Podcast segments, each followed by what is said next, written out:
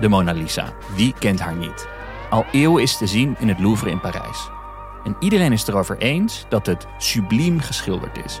Maar de mythe over de vrouw is net zo belangrijk. Vooral haar mysterieuze glimlach, waar gelijktijdig iets verdrietigs als vreugde doorheen schemert, heeft het schilderij wereldberoemd gemaakt. Eind 1880, op nog geen kilometer afstand van het Louvre, werd een andere jonge vrouw beroemd. Ook vanwege haar dubbelzinnige glimlach. Je zou zelfs kunnen stellen dat ze net zo, of misschien zelfs beroemder is dan Mona Lisa. En toch kent bijna niemand haar geschiedenis. We vertellen vandaag het morbide verhaal van het meest gekuste meisje ter wereld. Ik ben Alexander Klupping. Welkom bij Goed Verhaal.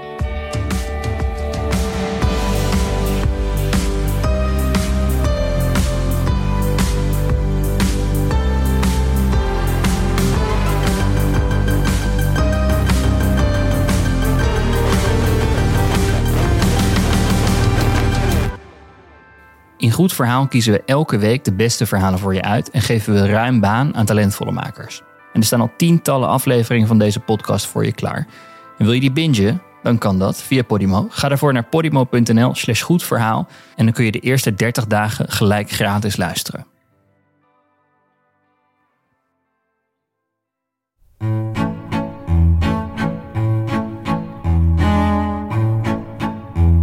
Stel je het Parijs van 1888 voor.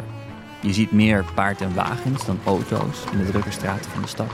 En de Parijzenaren dragen hoge hoeden en kostuumrokken. Een stel wandelt hun dagelijkse rondje langs de Seine. Ze kletsen wat over de gloeilamp, een nieuwe uitvinding. En dan ziet de vrouw iets in het water drijven. En tot hun schrik realiseren ze zich wat ze zien. Het levenloze lichaam van een meisje dobbert in het water. Haar verstarde gezicht naar de hemel gericht. De politie komt ter plaatse en vist het lijk uit de scène. Het lichaam van het meisje wordt naar de dichtstbijzijnde patholoog gereden voor nader onderzoek. En hij schat haar tussen de 14 en 18 jaar oud. En haar porseleinwitte huid is volledig onbeschadigd. Dus de patholoog concludeert dat het meisje is verdronken en zelfmoord heeft gepleegd.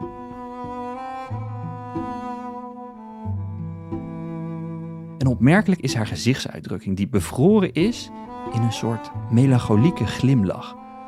Alsof ze vrede had met haar dood. Het verhaal gaat dat de patholoog zo gebiologeerd werd door de schoonheid van het meisje op zijn tafel, dat hij met gips een mal maakte van haar gezicht, om haar uitdrukking voor eeuwig te bewaren. Hij maakte een dodenmasker. Meisje blijft een Jane Doe. Ze wordt nooit door familieleden of kennissen geclaimd.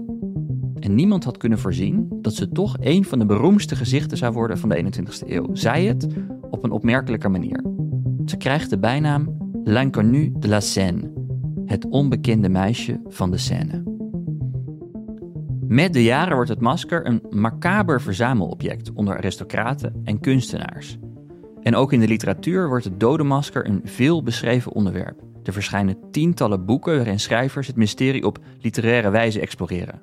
Maar zoals dat gaat met beroemdheden, of ze nou met een echte naam bekend zijn of niet, vroeg of laat vergaat de roem. Het onbekende meisje van de scène raakt in vergetelheid. Maar dan, in 1960, keert ze op onverwachte manier terug. Jelle Havermans is schrijver en podcastmaker. En in Parijs liep hij in een antiekwinkel tegen dit dode masker van het onbekende meisje aan. En hij was direct gefascineerd. Je kijkt naar het uh, bronzen masker. Het is, een, het is een meisje tussen de 13 en 16 jaar, zou ik zeggen. Uh, en haar neus is helemaal afgesleten. is helemaal gelig geworden. Het is van brons, heel mooi materiaal. Maar je kunt dus wel zien dat heel veel mensen er ja, aan hebben gevoeld. Dat ze die neus hebben gestreeld. Wat ik ook wel weer een beetje macaber vind of zo. Dat zoveel handen dit masker hebben ja, betast eigenlijk. Het is toch wel een griezelig object. Ik vind het toch wel een beetje zo'n object ja, wat je in een horrorfilm zou kunnen tegenkomen. Alsof er een soort vloek op rust of zo. Toen ik in die antiekwinkel in Parijs stond, toen vroeg ik die antiekhandelaar: wat weet je nou eigenlijk van dit masker? Met gebrekkig Engels kwam hij met een verhaal en hij zei dat het nog steeds een heel populair verzamelobject is. Zo populair zelfs dat sommige van die maskers voor meer dan 1000 euro over de toonbank gaan. Ja, eigenlijk vond ik het best wel gek. Ik ben een enorme true crime fanaat, maar ik had nog nooit van dit mysterie gehoord. En daarom ga ik in gesprek met Anne Goitse Breteler. Zij is schrijver, podcastmaker en historisch antropoloog. Ze is gespecialiseerd in de 19e eeuw en hopelijk kan ze me meer vertellen over mijn vondst. Wacht, ik ga hem even vasthouden. Ja, als ik, als ik zo dat masker voor me heb, dan zie ik een, een jonge vrouw. En ze ligt er eigenlijk best vredig bij. Ze heeft haar ogen gesloten en haar mond is een beetje aan het lachen bijna. Je zou kunnen zeggen dat ze vredig heen gegaan is als je bedenkt dat het een doodsmasker is. Um, en ja, het is eigenlijk bijna een soort kunstwerk wat je vast hebt. En dan vergeet je misschien soms even dat het best wel een duister iets is. Dat het hier eigenlijk om een dood meisje gaat, ja. dat ik in mijn handen heb.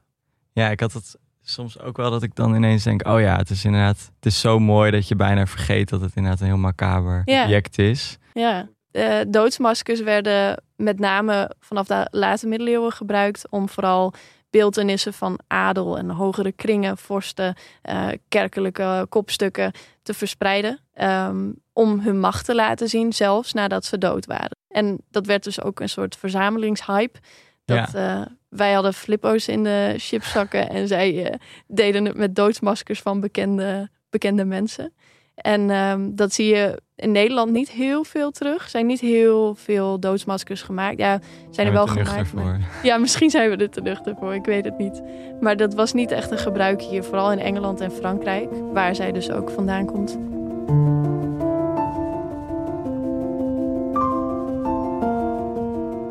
Ja, de tijd waarin dit masker eigenlijk voor het eerst is gemaakt, rond 1880, uh, spreken we van het fin de siècle. Het is natuurlijk een doodsmasker wat uit Frankrijk komt. En het is niet voor niets een Franse uh, benaming van die tijdsperiode. Dan hebben we het echt over het einde van de 19e eeuw en het begin van de 20e eeuw. Waarin uh, in een hele korte tijd relatief veel veranderingen hebben plaatsgevonden. Um, en dan merk je dat vooral in de kunsten die onrust en die tegenstrijdigheid van de tijden heel erg uiting vindt. Mensen zijn ook best bang voor wat er komen gaat. De eeuwwisseling zit er aan te komen. Dat we weten allemaal natuurlijk met de eeuwwisseling naar de 21ste eeuw. Daar worden mensen heel kriebelig van. Ja, daar worden mensen kriebelig van inderdaad. Um, dus het vraagt een beetje om een uitingsvorm waarin ja, die mystiek heel erg een weg vindt, maar soms ook het escapisme, dat mensen weg willen vluchten voor die enge veranderende toekomst. Um, maar die fascinatie voor dat duistere uh, had ook heel sterk te maken met de opkomst van de psychologie. Maar ik denk dat het ook vooral die gelaatsuitdrukking is. Dat mensen veronderstellen dat ze dat misschien ja, vrijwillig wilden. Omdat ze dus een soort gelukzaligheid uitstraalt. Een soort sereniteit. Dat je zo tegenstrijdig vindt met het gevoel van dat je verdrinkt natuurlijk. Daar zie je alleen maar een soort van dat je naar boven wilt en adem wilt halen, terwijl zij het soort van geïnternaliseerd heeft en ze geaccepteerd van dit is het einde. Dus ik kan me voorstellen dat mensen daar uithaalden van dit zal een zelfgekozen dood zijn. Ja. En dat komt ook veel in de romans terug die over dit verhaal geschreven worden. Dat zij heel erg verliefd was. Die gevoelens waren te veel, waardoor ze dit besluit heeft genomen. Zo zo wordt het gepresenteerd dan. Liever dood dan, uh, dan dat ik de man niet krijg of exact, zo. zoiets, ja. Kun je verklaren waarom, en dan voornamelijk mannelijke kunstenaars en schrijvers, in de 19e en 20e eeuw zoveel interesse toonden in het onbekende meisje van de scène? Ja, ik denk ook dat daar een soort, ja, je zou bijna een soort mannelijke drift ook kunnen noemen. Mm. Uh, die eerste patholoog die haar gezicht in een doodsmasker vatte, is natuurlijk het meest dicht bij haar geweest. Maar ik denk iedereen die daarna dat doodsmasker in handen heeft gekregen, is bijna een soort necrofilie te noemen, denk ik. Dat je zo dicht bij dat dode meisje bent. Uh, je kan haar aanraken, je kan haar gezicht, je kan het allemaal bijna vatten, zeg maar. En dan toch dat hele onbevattelijke van dat zij misschien haar leven heeft genomen op zo'n jonge leeftijd. Ik denk dat dat heel veel, vooral mannen, interesseerde en fascineerde. Dat is ook waarom het zo'n populair gebruiksvoorwerp werd, met name in de hogere klassen. eh, dat vrouwen het in sieraden verwerkten en dat bij zich droegen. Ze werd ook een soort erotisch symbool. Het was ook een beetje de muze van de dood, maar ook eh, een erotisch symbool wat zelfs dus vrouwen meedroegen. Als het een oude man was geweest in de scène, ik neem aan dat ze die ook regelmatig vonden. Ja. Daar zal niet zo'n rage uit ontstaan Nee. zijn. Maar deze combinatie van factoren, waarbij ze wel een prachtige vrouw is om te zien, maar waarbij dan weer zo'n duister verhaal schuilt, dat dat precies past binnen de ideevorming van die tijd in Ja. de kunsten.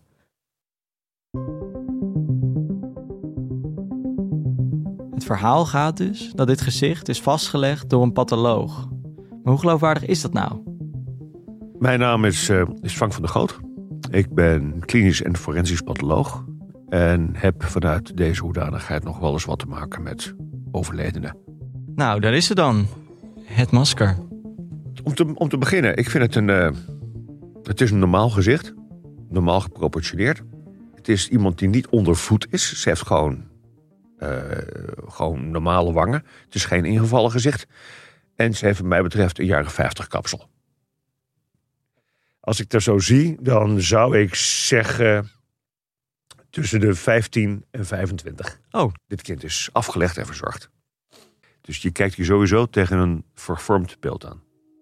Ze heeft namelijk een merkwaardige, ja, een bijna glimlach op haar gezicht. Dat is heel bijzonder. Het is primair, laat ik daarvan uitgaan, eh, altijd levens, levensgevaarlijk om emoties toe te kennen aan overleden dingen. En ik heb dus hier iemand met min of meer opgetrokken mondhoeken en een vrij rustig uiterlijk. Eh, als jij aan syfilis komt te overlijden, dan komt er een situatie en dat heet de sardonische lach. Oh, vertel. Dat is, dat is een verkramping van de aangezichtsspieren. En dat heet een sardonische lach. Ik ga het Ja. niet voordoen, niemand ziet het toch. Maar eh, tuberculose kent dat trouwens ook. Dus voor hetzelfde geld is het gewoon iemand die op, aan syfilis of aan tuberculose is overleden. En dan kun je twee dingen doen. Dan kun je een heleboel geld uitgeven om je te begraven. Of je kan gewoon iemand in de scène gooien. En ik denk aan de gaafheid van haar gelaat. Nou, die heeft er nog een uur in gelegen. Die heeft er nog een uur in gelegen.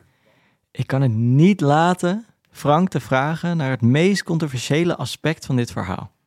Ervan uitgaande dat zijn collega eind 19e eeuw een gipsmal van het gezicht heeft gemaakt. Wat vindt de moderne patholoog daar anno 2023 nou eigenlijk van? Ik vind dat niet helemaal normaal. Als mijn studenten dat zouden doen, hebben ze wel een discussie met me. Een patholoog tegenwoordig zou zoiets niet doen.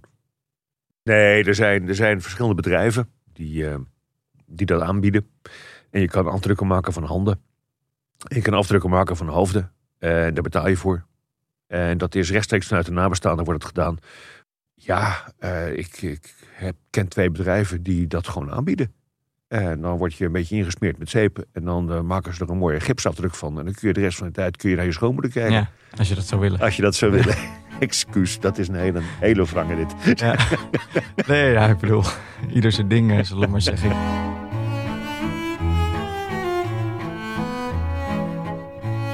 Ik wil nog wel een laatste ding van Frank weten.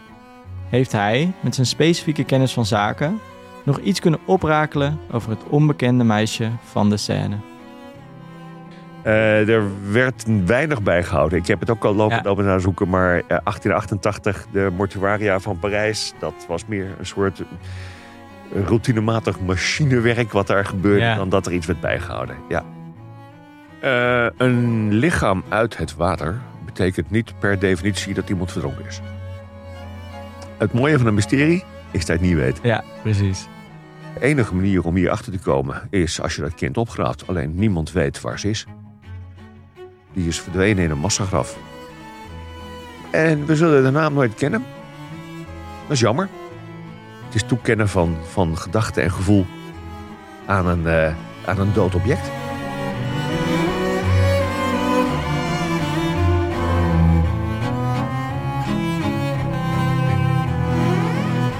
Het is inderdaad jammer. Ik zal waarschijnlijk nooit weten wie het meisje is. Van de patholoog begrijp ik dus dat het ongevraagd maken van afgietsel van het gezicht van een dode geen gangbare praktijk meer is. Het is iets uit een andere tijd. Maar dit specifieke masker speelt toch een grote rol in het heden. Wat nou als ik jou vertel dat het meisje van de scène inmiddels wereldberoemd is? En dat de kans zelfs groot is dat jij haar hebt gekust?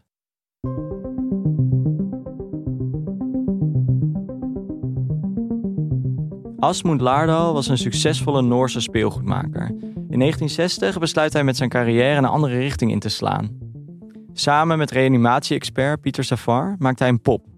Een levensgrote plastic pop waarop je kunt oefenen met reanimeren en beademen. Tja, en welk gezicht hij hiervoor als basis neemt? Je raadt het al, dat van het onbekende meisje van de scène. Haar bijnaam? Annie.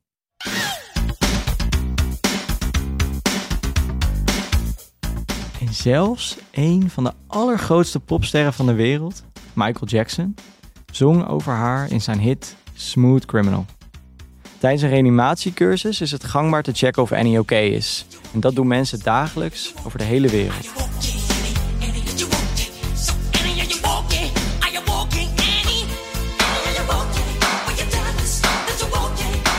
Reanimatie is inmiddels een vast onderdeel van iedere BHV en EBO-cursus. Jaarlijks worden er in Nederland zo'n 8000 mensen gereanimeerd. Daarvan overleeft bijna een kwart. Mede dankzij het vroegtijdig starten van een reanimatie door omstanders. In juli vorig jaar zaten wij, mijn man en ik, samen op het terras. Hebben we net een uh, eindje wezen fietsen. Dit is Anke Bijlsma, een ervaringsdeskundige. Het was mijn eerste vrije zaterdag, dus ik zat lekker uh, in pyjama met een krantje, kopje koffie en uh, relaxed te zijn. En toen uh, ging hij naast mij zitten en ik stelde hem een vraag. En op dat moment gaf hij even geen antwoord. En ik keek eigenlijk niet eens eerst op. Maar ik zag wel dat hij zijn hoofd afdraaide. En dat hij een hele gekke ademhaling met zijn wang deed. En uh, op dat moment herkende ik meteen gaspen had net mijn EHBO-cursus uh, bij de KNRM, waar ik bemanningslid ben, afgerond. En daar hadden we dat heel duidelijk besproken. Dat dat een soort spasme bijna nog van je long is die nog iets doet. Maar dat er dan geen circulatie meer is. En omdat ik dat meteen herkende, spat ik overeind. En ik dacht altijd, als iemand een hartaanval krijgt, dan ja, dan valt hij om of uh, hij valt uit zijn stoel. Maar Gerrit had zelfs zijn koffiekopje nog in zijn hand. Dus ik heb 112 gebeld en meteen ook gezegd: Ik ben EHBO'er. Ik weet zeker wat ik nu zie. Uh, en je moet een reanimatieteam sturen. Uh, en toen wou die vrouw nog van alles vragen. En toen zei ik, nou, ik geef nu geen antwoord, want ik ga hem op de grond leggen. En ik ga de reanimatie starten. En op dat moment was ik ook nog uh, net geopereerd aan mijn knie. Dus ik liep ook nog op krukken. Um, en toen uh, heb ik met een andere hand een, een stoelkussen gegrist. Zijn hoofd daar opgelegd. En toen een heel dramatisch filmisch gebaar gemaakt en zijn blouse uh, kapot getrokken. Waarvan ze altijd zeggen dat hoeft niet. Maar ik wou precies de plaatsbepaling weten van. Uh, nou ja, zeg maar twee vingers breed boven de onderste rib. Uh, de, en ja, toen ben ik begonnen hè, met die borstcompressies. En toen kwam ik op dat punt van nu moet ik hem gaan beademen. En ik keek naar zijn gezicht en ik zag eigenlijk al een dode man. En zijn ogen waren weggedraaid. Uh, er was geen ademhaling meer, heel duidelijk.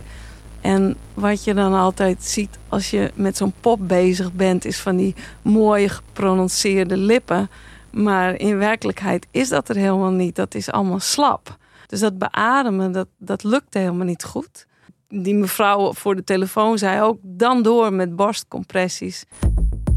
En ook dat voelt heel anders dan op de pop, want je hebt die weerstand helemaal niet. Uh, en toen ben ik doorgegaan. En uh, ja, ik ben op dat voor mijn gevoel dode lichaam uh, blijven pompen. Wetende dat ja, als ik het niet zou doen, was hij sowieso dood. En ik, ik kon alleen maar denken: nee, nee. De hele tijd dacht alleen maar nee. Het, deed me eigenlijk heel sterk denken aan een geboorte. dan heb je dat ook dan weet je gewoon, het is dood op de gladiolen, zeg maar. Je moet je overgeven, je moet, je moet doorwerken en je weet niet wat er gebeurt.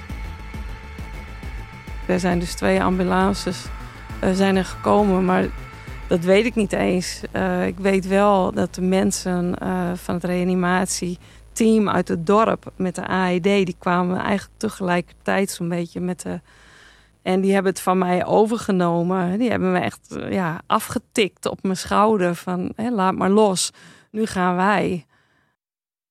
En ja, uiteindelijk eh, hebben zij het doorgezet. En zijn nog drie kwartier doorgegaan. En toen kwam er weer een hele voorzichtige pols.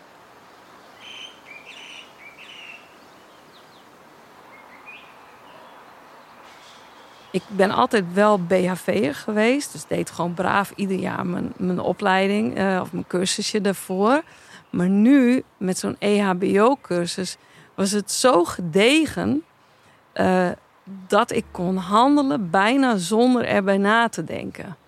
En ik kan me heel goed voorstellen dat je ook in een bepaalde paniek slaat.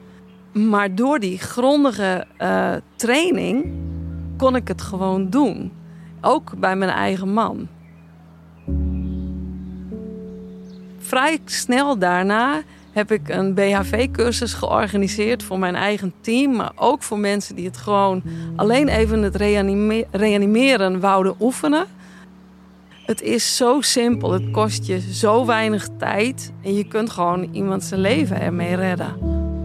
En niet alleen iemand zijn leven, maar ook iemand zijn gezin, zijn familiaire leven. Het is meer dan dat.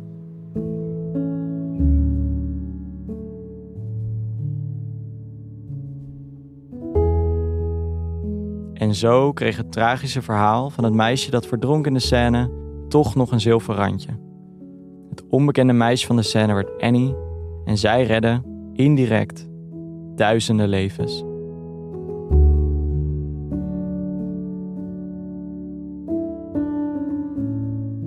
Deze aflevering werd bedacht en gemaakt door Jelle Havermans.